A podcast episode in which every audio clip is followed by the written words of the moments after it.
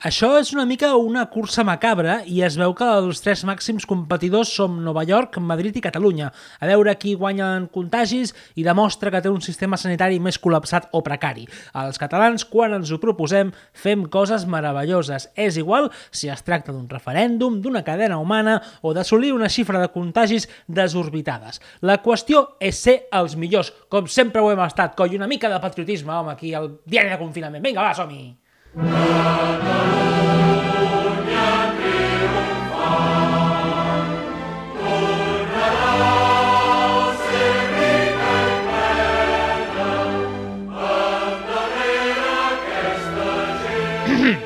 Patriotismes estèrils a banda, les xifres preocupen i molt, sobretot després de llegir que aquests dies un pacient amb símptomes de coronavirus s'havia escapat de l'Hospital de Santa Tecla i el van trobar carrer Unió avall. Me l'imagino allí amb la bata blau cel corrent al més pur estil inici de The Walking Dead, super desconcertat, per sort el van detenir i el van tornar a portar a l'hospital. Des d'aquí li desitgem que es curi, però que tingui una mica de seny.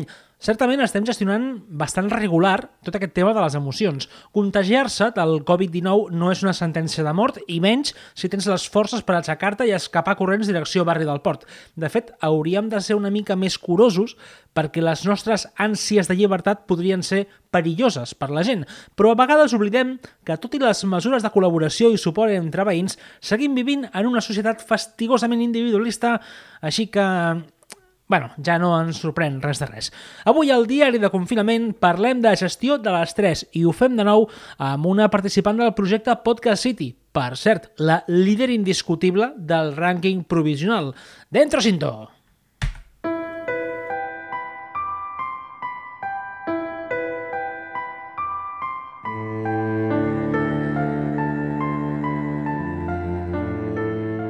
Són dies de confinament, estem tancats a casa i no tenim clar com anirà tot plegat. El govern ens diu que ens quedem a casa, que és l'única forma d'acabar amb l'expansió d'aquest coronavirus.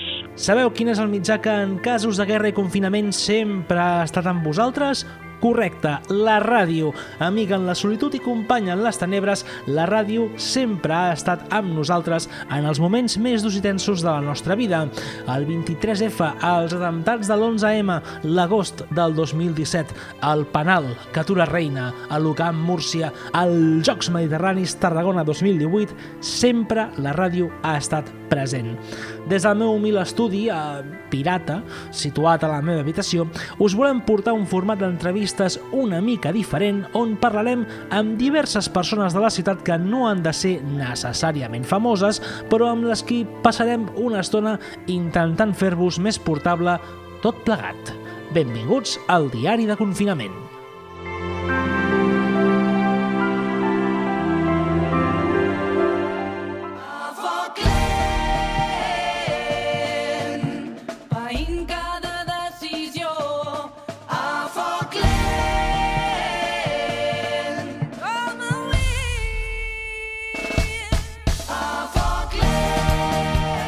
Al mig de tant nerviosisme i tantes ganes de voler trencar plats i tanta por pel fet de no saber què passarà, sempre està bé tenir un petit oasi de calma i tranquil·litat. Al diari de confinament hem entrevistat molts perfils, però segurament encara no havíem parlat amb ningú amb la serenor que desprèn la nostra convidada d'avui i el seu programa també de Podcast City, La ciutat que cura. Mercè Milan, benvinguda al diari de confinament.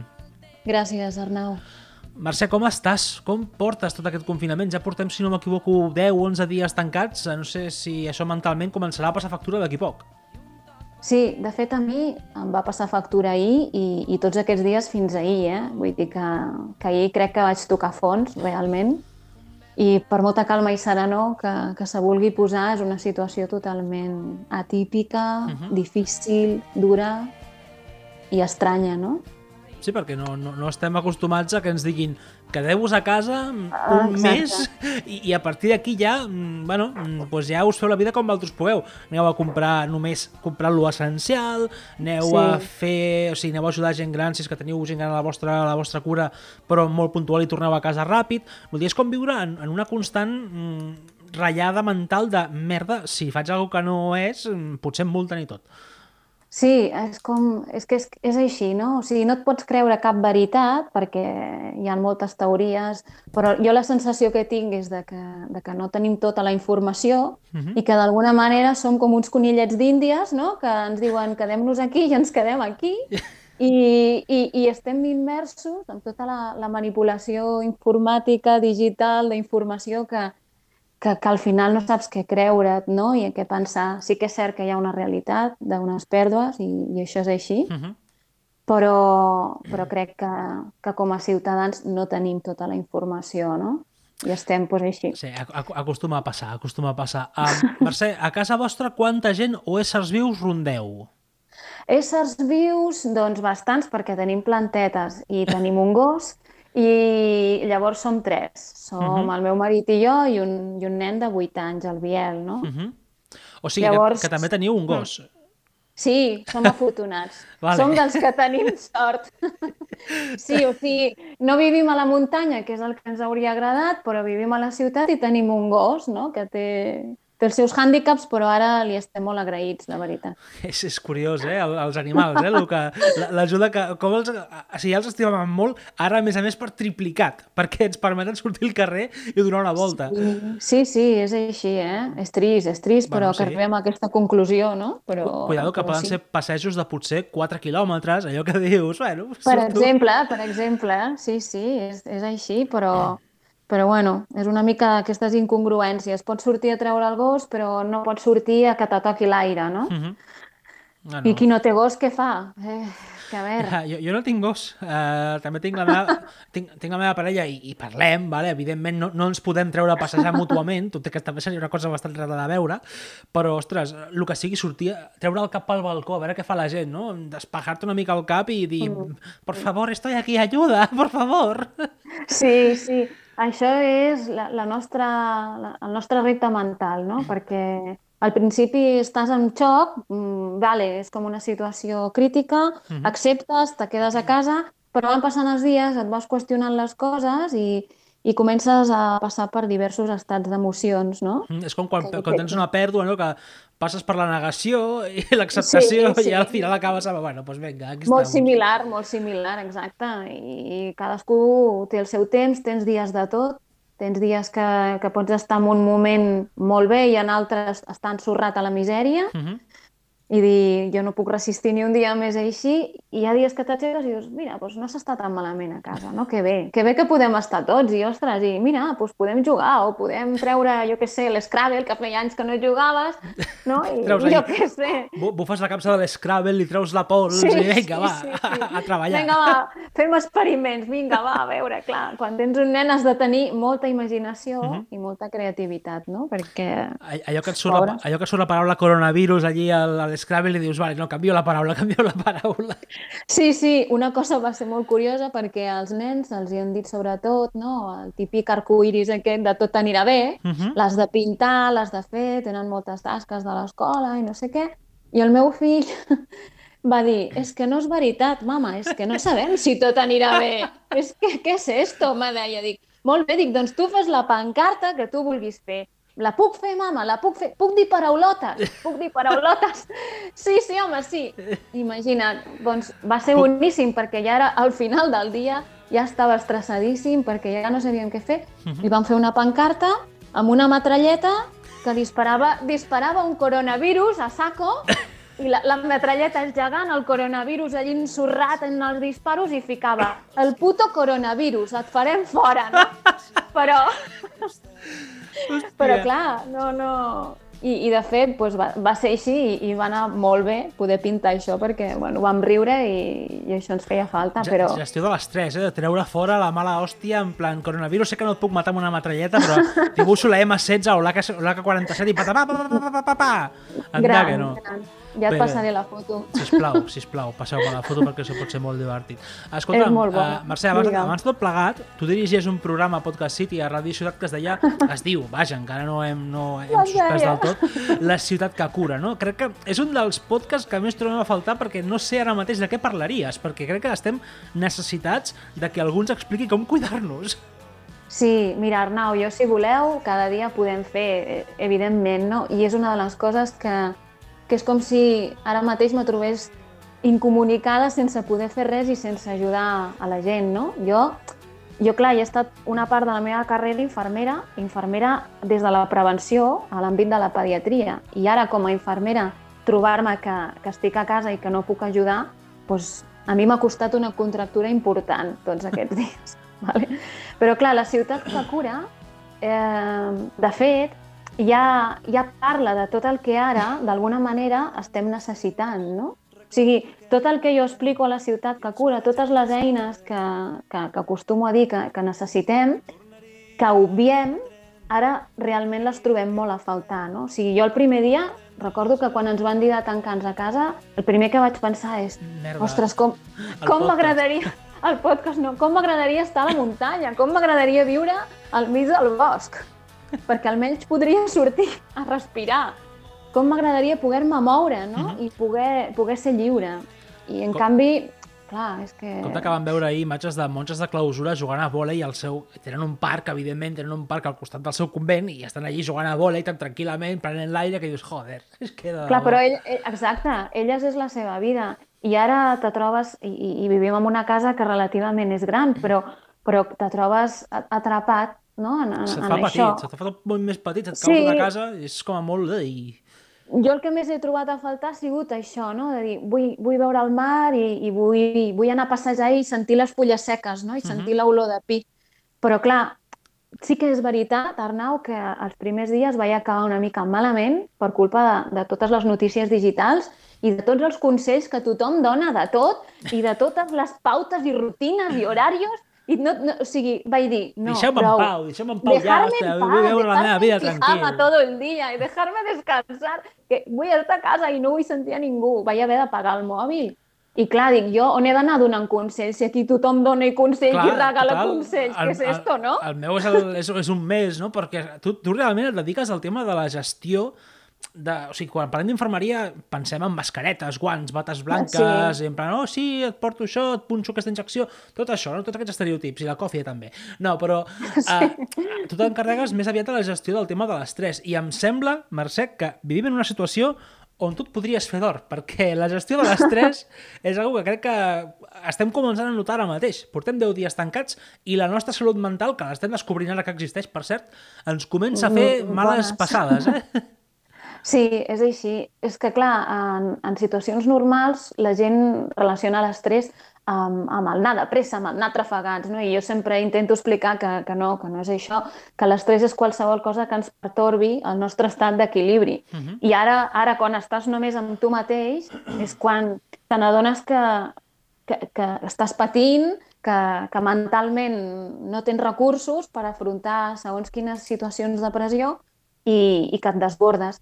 I al final, cada persona té un estrès relacionat amb, amb alguna cosa concreta perquè ella viu malament això o viu malament una altra cosa. Hi ha gent que està adaptada a viure a casa i viu molt bé, i hi ha gent que no, que necessita ser addicte a la feina, o sortir, o, o anar al gimnàs, o fer coses per molt que vulguis fer, cadascú, doncs la soledat de vegades pot ser incòmoda, o, o conviure amb la parella més temps del compte pot ser difícil. Pot ser complicat, sí. Doncs ho sabem. De fet, en un programa parlo que, que el viure en parella o el matrimoni és una de les causes d'estrès bastant més importants, perquè és així, t'has de confrontar amb un altre, has d'estar Mhm. adaptant-te constantment, no?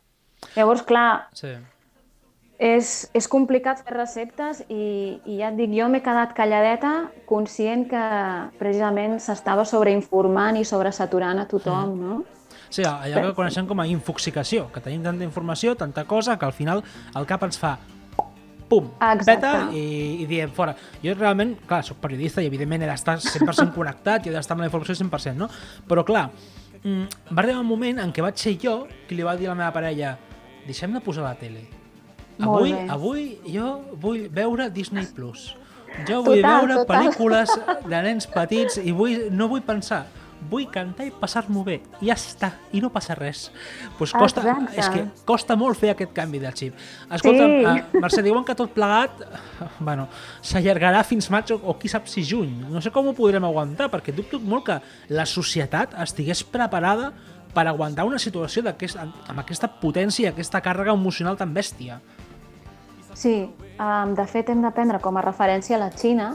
Clar, penseu que allí els primers casos van ser novembre, desembre, ja, ja va esclatar el boom, i potser va, ara comencen a tenir pocs positius, no? I què ha passat? Desembre, gener, febrer, març, són quatre mesos que, que han necessitat, segons la informació que tenim, per estabilitzar-se.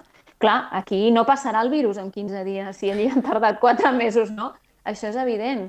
El que passa és que ens van dosificant la informació. Uh -huh. Com ho podrem gestionar? Doncs no podem fer plans, Arnau. O sigui, anirem fent i ens anirem adaptant al dia a dia. A mi me preocupen els nens, vale? me preocupen perquè ja no em preocupa com, com sobreviurem -huh. sinó quines són les seves necessitats ara, perquè tant tu com jo, això que tu has fet de dir, mira, apaguem els mòbils i imposo Disney, això és una actitud constructiva i de resiliència, de dir, prou, s'ha acabat la negativitat, s'ha acabat el... No? Ah, però però ells, clar, els seus recursos són més limitats i són diferents. Llavors, a mi em preocupa que en sec diguin ja poden tornar a l'escola. I vinga, va, ens deixin anar tots allà i de repent ja no hi ha virus en lloc, no? Què, què estem fent? Què estem fent? Clar, al final és com no, no ens estan dient la veritat, no tens informació i no et sents segur. Uh -huh. De quina manera podem sentir-nos segurs? Doncs cada dia, sobre la marxa, es poden aportar molts consells, no? de dir, bueno, doncs, què fas amb el teu estat d'ànim? Què fem avui? El tema és dia a dia, dia a dia. Proposar-te una activitat per dia. A més a més, els que, els que feu teletreball, déu nhi el que esteu teletreballant. Vull dir, és que clar, mm, vacances no són, no? Al contrari. No, no, espero, espero que ningú s'ho pensi com que són les vacances, perquè sí que és cert que, jo, jo ho confesso sempre, eh, últimament, que el teletreball té un punt de, no, no comoditat, però bueno, perquè al final sí. estàs a casa teva i pots anar un segon a la cuina, agafar-te una, Ai, una cervesa, no, anava a dir una cervesa, mare de Déu, senyor, no.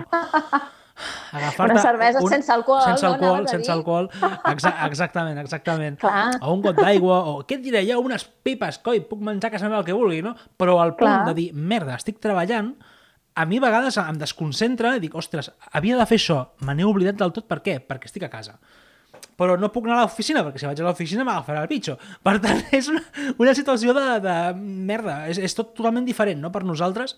No sé, el que sí que és cert és que treballant a casa he pogut veure que comença a haver-hi aquest punt d'interacció entre els veïns, que fins i tot no són del mateix bloc de pisos, eh, però gràcies a activitats tontes, com ara el canvi de rotllo, eh?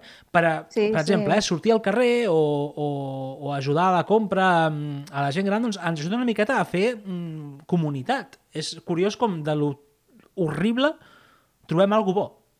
Sí, i hi ha més coses bones, Arnau. Si en algun podcast parlo de les zones blaves i com fan per viure més anys, parlen precisament d'això, que els que tenen veïns i fan vida amb els veïns viuen més anys perquè no se senten tan sols, no? Uh -huh. I, per desgràcia, en la societat en què vivim, eh, no coneixem els veïns del nostre replà i no hi hem parlat en la vida. I ara, damunt, si te cruces per l'escala, encara t'has d'apartar. Sí, t'aparta. Però... Eh, o, o, sí, o, sí. o a l'ascensor. Que això sí, també és, és una situació que se'n parla poc. Clar, has de pujar per les escales, ja et diuen, no facis servir l'ascensor, és com tot, tot molt pel·lícula de ciència-ficció, no? I fins a quin punt aquests extrems ens protegeixen o simplement limiten la saturació d'hospital, no? Mm. Llavors, clar, les persones, jo, jo crec que ens hem quedat com en una situació d'indefensió, de dir, vale, que quedeu-se tancadets a casa escoltant les notícies i cagadets de por i no us moveu. Mira, una cosa és que ens haguem de quedar a casa i l'altra és que ens treguis la, la nostra iniciativa com a persones no? de, de què podem fer per curar-nos o per cuidar-nos o per protegir-nos, sense la por, sinó uh -huh. des del coneixement, no? I clar, aquí jo penso que hi ha una tasca important a fer. Si en algun programa escoltes no, algun 33, doncs vinga, va, què podem fer per ballar i per sentir-nos bé? però que és un programa de, decent que intenta promoure alguna cosa que les persones puguin fer per elles mateixes. Uh -huh. La resta és bueno, comptatge de persones i pèrdues que hi ha, i perills i perills i, i perills i restriccions, no? Va, doncs que som un número enmig d'aquesta amalgama de coses, no? És que és curiós. Sí, som un número, però el que tu deies, el, el fet de treballar a la comunitat, d'alguna cosa bona és que va rebent cançons, va rebent coses boniques. Jo segueixo a l'Insta aquests, els Good News, uh -huh. que publiquen, publiquen coses bones que es fan al planeta, no?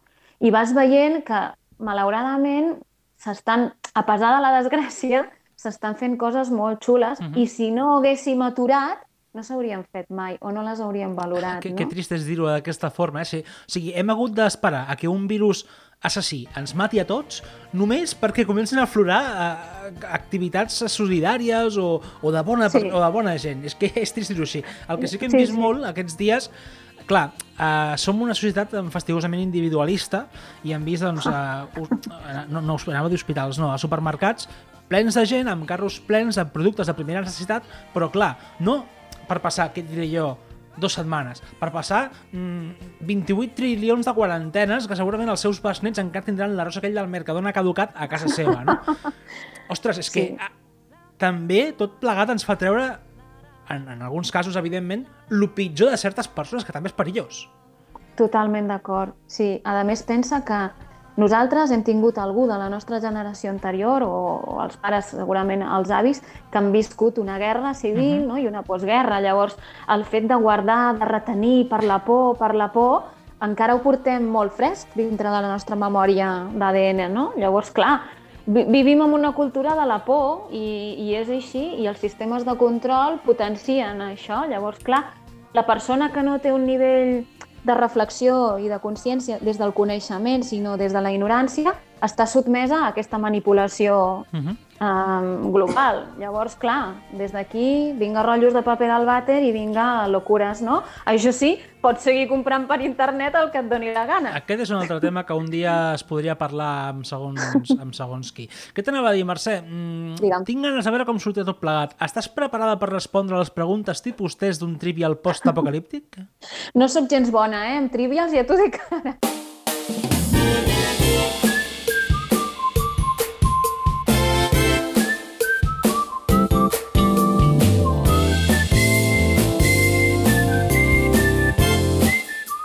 Primera pregunta. Quan tot això acabi, el més segur és que hagin caigut unes quantes bombes atòmiques per esterilitzar el virus i només quedi el 10% de la població humana viva, o, o, o malviva. La gent s'està començant a preparar doncs, cultius propis per tenir una font d'alimentació sostenible. Quin d'aquests productes plantaries abans per no quedar-te sense? Opció A. Llegums. B. Fruita o C. Paper higiènic. Ostres, entre els llegums i la fruita m'ho fas difícil. Potser faria llegums, perquè tenen més valor proteínic, però faltarien les vitamines. Poden ser A i B, són correctes? Sí, poden ser A i B, però la correcta era la C, perquè amb la radiació que hi ha al món començaran a créixer arbres amb aquest producte, amb el paper higiènic, que són les coses bones del postapocalipsis. Que sí? sapiguem que es podrà plantar paper higiènic i així ningú haurà d'anar a un supermercat a fer acòpio del conegut com paper de cul. Oh. Segona, segona pregunta. La situació dramàtica que viurem en un futur t'obligarà a ajuntar-te amb altra gent per tal de sobreviure. Gent que evidentment desconeixes però amb qui estàs forçat a compartir aventures per poder sobreviure. Amb quina d'aquestes tres persones o perfils t'ajuntaries abans? A. Ai, mare Opció A, una persona vegana que tindrà dificultats per menjar i serà selectiva amb els productes als supermercats que saltareu. Opció B, un argentí que a sobre és militant de Vox. O opció C, un gos. Home, jo m'ajuntaria amb un vegà, perquè d'entrada som bastant pacífics, vull dir que no, no ens barallaríem, no ens barallaríem, crec, crec. Però l'opció del gos és bastant bona, eh, també.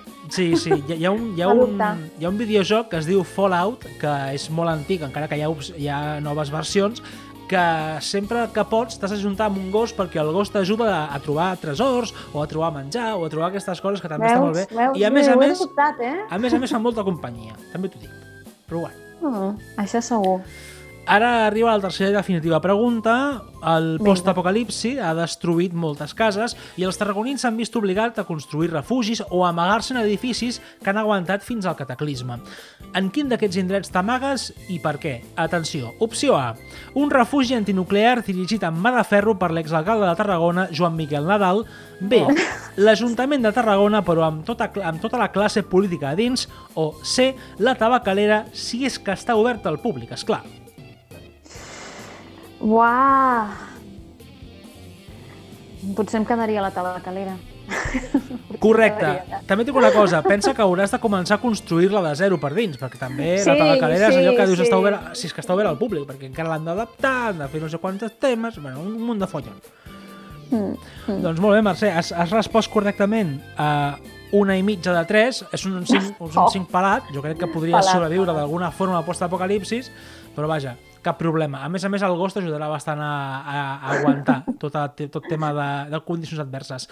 Escolta, Mercè, a nosaltres el que fem sempre en aquest programa és demanar a la gent que ens recomanin doncs, quatre cosetes, una pel·lícula, un llibre, un grup de música o cançó i una recepta per fer aquests dies. Com que mm, aquests dies doncs, s'ha d'intentar sobreviure d'alguna forma, doncs, i fer-ho millor amb aquestes cosetes.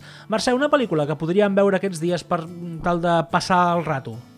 Ostres, m'ho fas difícil, eh? Perquè jo recomano altres coses, però pel·lícules i llibres... Bueno, llibres també. Pel·lícula... Mm, és que n'hi ha moltes i això és cadascú. Ara mateix mm, m'has deixat en blanc. A més, tinc un problema. Sí, sí, jo el meu disc dur no emmagatzema ni títols de pel·lícula ni continguts de llibres. Només si m'han agradat o no m'han agradat. És, és increïble, no, no te sabria dir. Um, pel·lícules que siguin de bon rotllo, per descomptat. Zero violència, uh -huh. zero thriller, zero pors i zero històries d'aquestes, no? Clar, és... Ahir, per exemple, vam estar veient El niño que domó el viento, Uh -huh. vale? que, que demostra com les persones, inclús en situacions difícils, se'n poden sortir, però clar, has de confiar en idees noves i, i no en el que uh Mhm. -huh. coneixes. I és dura, eh? però, però és bonica. Que passa que potser ara recomanaria algú que fos més fresc, com la de Sin Reserves o alguna que doncs, bueno, parli una miqueta de coses que ens facin sentir bé. Uh -huh. Mercè, un llibre, què, què podríem llegir? Què podríem llegir? El que us vingui de gust i el que us animi a vosaltres. Des d'una novel·la per desconnectar, una novel·la romàntica, una novel·la de, de lo que us agradi, a llibres que us interessin per aprendre. Jo quin te puc dir? Mm, A mi m'encanta La solució de los telòmeros. M'encanta. Sí, perquè parla de com, com podem allargar la longitud dels telòmers per viure més anys i per viure millor, no? Però entre, entre tot el que explica, explica moltes coses que realment ens estressen i com les podem invertir i, i fer que siguin positives. Te diu com has de fer exercici, com, com has de gestionar les teves emocions, i la veritat és que dona prou recursos. Sembla un llibre Mhm. molt científic, però, però no ho és, perquè està fet molt proper. Per Mhm. exemple, diria aquest. Doncs, mira, magnífic, ja tenim lectura per fer, lectura semicientífica d'aquestes, o sigui que meravellós. Mercè, un grup de música o una cançó que ens recomanis per aquests dies? Mira, jo us recomano la llista de música de l'Espot i de la ciutat que cura. Vale? per què?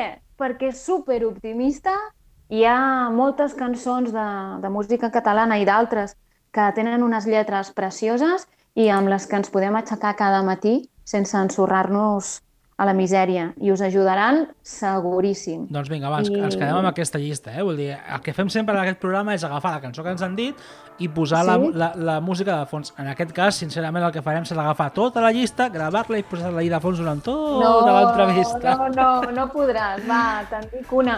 Pots utilitzar la de Tot anirà bé, evidentment, del grup que es diu Animal, la de Bon dia, Bon dia vida... Després m'agrada molt la de Oques grasses, la de Si tothom calla, o és de Gertrudis, sempre m'equivoco. Ostres, ara, ara m'has enxampat a mi, eh? La Si tothom calla és de Gertrudis. Vale. Mhm. I, i la samarreta de Gertrudis, que és molt divertida. Agafa aquesta, que és molt, molt alegre. pues agafarem qualsevol d'aquestes i pa dentro. I ja per acabar, una recepta que puguem fer aquests dies, perquè si és molt, bé, molt bo alimentar la ment, també crec que alimentar la panxa bé és bo per mm, tenir el cap fresc amb idees i, i que no estigui Sí. pensit. Jo aquí dos coses, si em permets, dos receptes. Vinga, una alimentària i una, i una de salut. Mira, què passa? Que com que ens movem menys, no gastem la, la, la, la mateixa energia, no? Llavors, si durant el dia normalment fem tres àpats amb hidrats de carboni, vitamines i proteïnes, potser ara hem de mesurar una miqueta més els hidrats de carboni, que serien el, la pasta, el pa, els cereals, totes aquestes coses. Jo us recomanaria que esmorzéssiu bé, mengéssiu, mengéssiu o féssiu un plat únic mm, a l'hora de dinar o, o, o més tard quan tinguéssiu gana i féssiu un souparet pues, molt lleuger, perquè això us permetrà mantenir-vos i estabilitzar-vos a nivell de, de no consumir aliments extrems que ens desperoten tot l'organisme. No? Pues ara xocolata i automàticament necessites algú salat, no? Mm Menges algú salat i automàticament vas a buscar el fuet, no? I és una cadena, és una cadena que no es pot parar, no? Ai, Llavors, sí. Manera, exacte, manera buscar aliments saludables, frescos i naturals que potser d'entrada no et vindran tant de gust, però que a poc a poc, si escoltem el ritme del cos, com que es va enlentint, realment no tenim tanta gana. I si la tenim és perquè estem vivint amb estrès alguna cosa.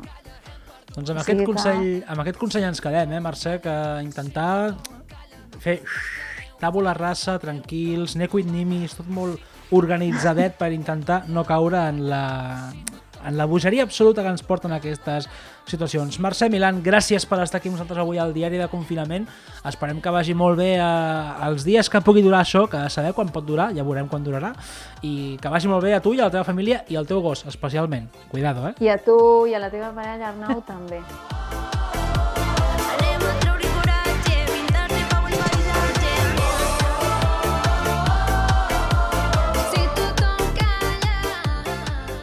Entre tant de drama va haver escoltar no? la veu de la cordura, de la tranquil·litat, del seny. Recordeu que podreu escoltar tots els podcasts de la Mercè Milan a Podcast City, al seu programa La ciutat que cura. Aquests dies estem reposant els programes per a que els aneu recuperant i realment us he de dir que teniu de tot, en aquest cas és salut, però també teniu videojocs, actualitat, cuina, solidaritat, hi ha d'absolutament tot. Per cert, avui per fi tenim de nou una recepta del nostre cuiner de capçalera, l'Andreu Rovira, que m'ha dit Arnau, farem una cosa contundent per aguantar aquests dies. Doncs au, Andreu, cuina contundentment per aguantar aquests dies, però un dia d'aquests també et demanaré que ens facis una mica de classe de spinning per poder cremar tot plegat. Vinga, va, amunti!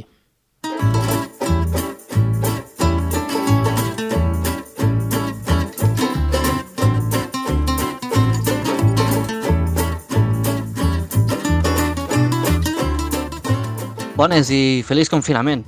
Avui farem unes galtes de porc al vi. Melós de porc, com dirien els més cursis, o mofletes de ministre, com ho dirien els que no són tant. És una recepta de paciència, de xup-xup i xurrupupú, ideal per a dies de confinament. Amb un temps prolongat i una temperatura moderada, aconseguirem un nèctar carnívor supergustós i una salsa extraordinària. Per fer-ho, necessitarem 4 galtes de porc ben maques i netes de greix, dues cebes, dues pastanagues, un porro, així tallats a trossos grans, un trosset de gengibre, una fulla de llorer, mig litro de caldo de carn, que pot ser tetabric mateix, i un vi no massa calimochero, que sigui bo, bevible i disfrutable. Llavors, en una safata fonda hi col·locarem les galtes, les verdures i el llorer, i ho cobrirem amb el vi. Això ho taparem amb un plàstic i ho deixarem reposar a la nevera unes 12 hores o tota la nit. Un cop la nostra mescla ha descansat bé, separarem els sòlids del vi amb l'ajuda d'un colador. El reduirem a la meitat del seu volum en una olleta a foc alt. Un cop ens ha reduït el vi, agafarem una olla o safata que pugui al forn i col·locarem les galtes, les seves amigues vegetals i ho cobrirem tot amb el vi reduït i el caldo de carn.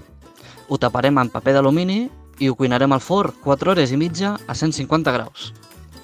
Quan ha passat tota aquesta estona, que haurem aprofitat per fer ioga, jugar al parxís o fer un puzzle de tropecientes peces, reservarem les galtes i triturarem la resta, és a dir, les verdures i el líquid, que això serà la nostra supersalsa.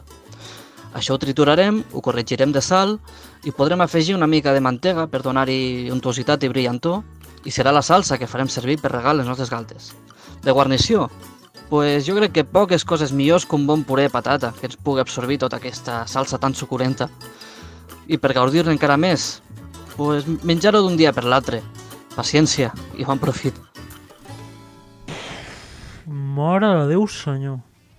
Vull dir, clar, jo a vegades penso, les receptes a l'Andreu estan molt bones, fer-les no és difícil, però clar, després els que sortirem rodolant de casa som nosaltres. Però bueno, tranquil, perquè al final mmm, aquí lo que, a, a mi sempre em deien de petit nen, t'has de menjar tot el que et posin al plat, doncs ahí està, jo me callo i l'assimilo. Avui marxem amb un grup de nova descoberta per mi, atenció al nom, Psychedelic Porn Crumpets amb aquesta cançó, Bills Mandolin. Ultra, ultra, ultra top. Ens acomiadem amb bona psicodèlia. Família, cuidar-se molt, que venen dies molt durs i complicats a nivell d'estrès. Que vagi molt bé, cuideu-vos molt. Adeu!